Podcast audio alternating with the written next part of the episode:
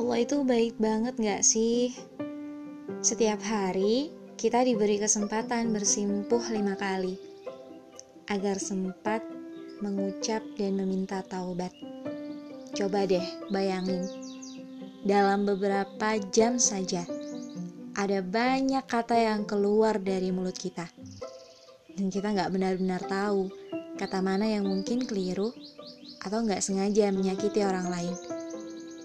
Lalu, dalam panggilannya, di setiap azan hingga ikomah, seolah mengabarkan kehangatan.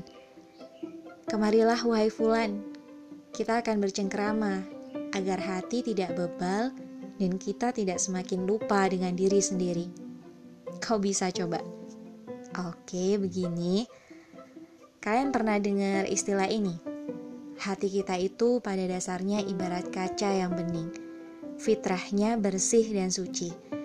Sebagai seorang manusia, ada sisi lain yang gak bisa terlepas dari diri kita, yaitu salah dan lupa.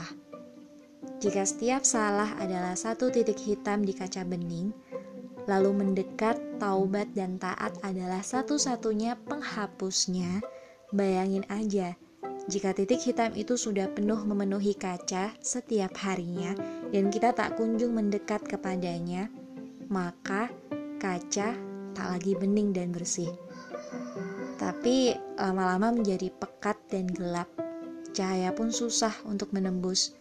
Kalau cahaya saja susah untuk menembus, alih-alih kita berharap bisa melihat kondisi atau keadaan di luar sana Bahkan kita akan susah melihat kondisi atau keadaan diri kita sendiri.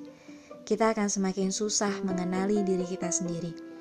Ibarat lagi nih, kalian punya rumah, gak dibersihin setahun aja. Debu setebal apa coba? Apalagi rumah itu dipakai setiap hari. Bah, nyaman gak tinggal di dalamnya? Beda lagi kalau setiap pagi dan sore kita bersihin. Bahkan lebih-lebih jika setiap ada yang kotor, langsung kita bersihin.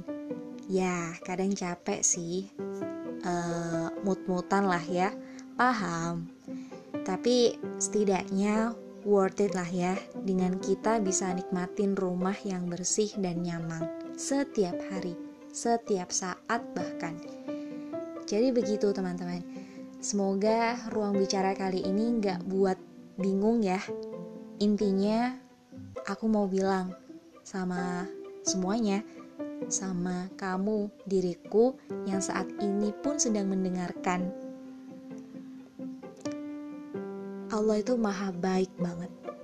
Sepeduli itu Allah sama kita. Ngingetin kita lima kali dalam sehari untuk menengok keadaan diri. Bahkan Allah siapkan waktu untuk mendengar riuhnya doa-doa dan pinta kita selama menjalani hidup dengan dinamikanya. Kadang kita saja yang kurang sadar. Kerjaan kita mencari-cari solusi atas setiap permasalahan, terus bingung-bingung sendiri.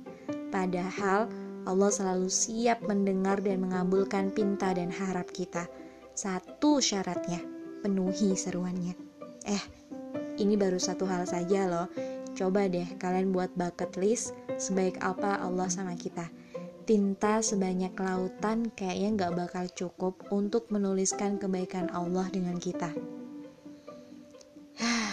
Fabi ayi ala irob bikuma diban Maka nikmat Tuhan mana lagi yang kamu dustakan?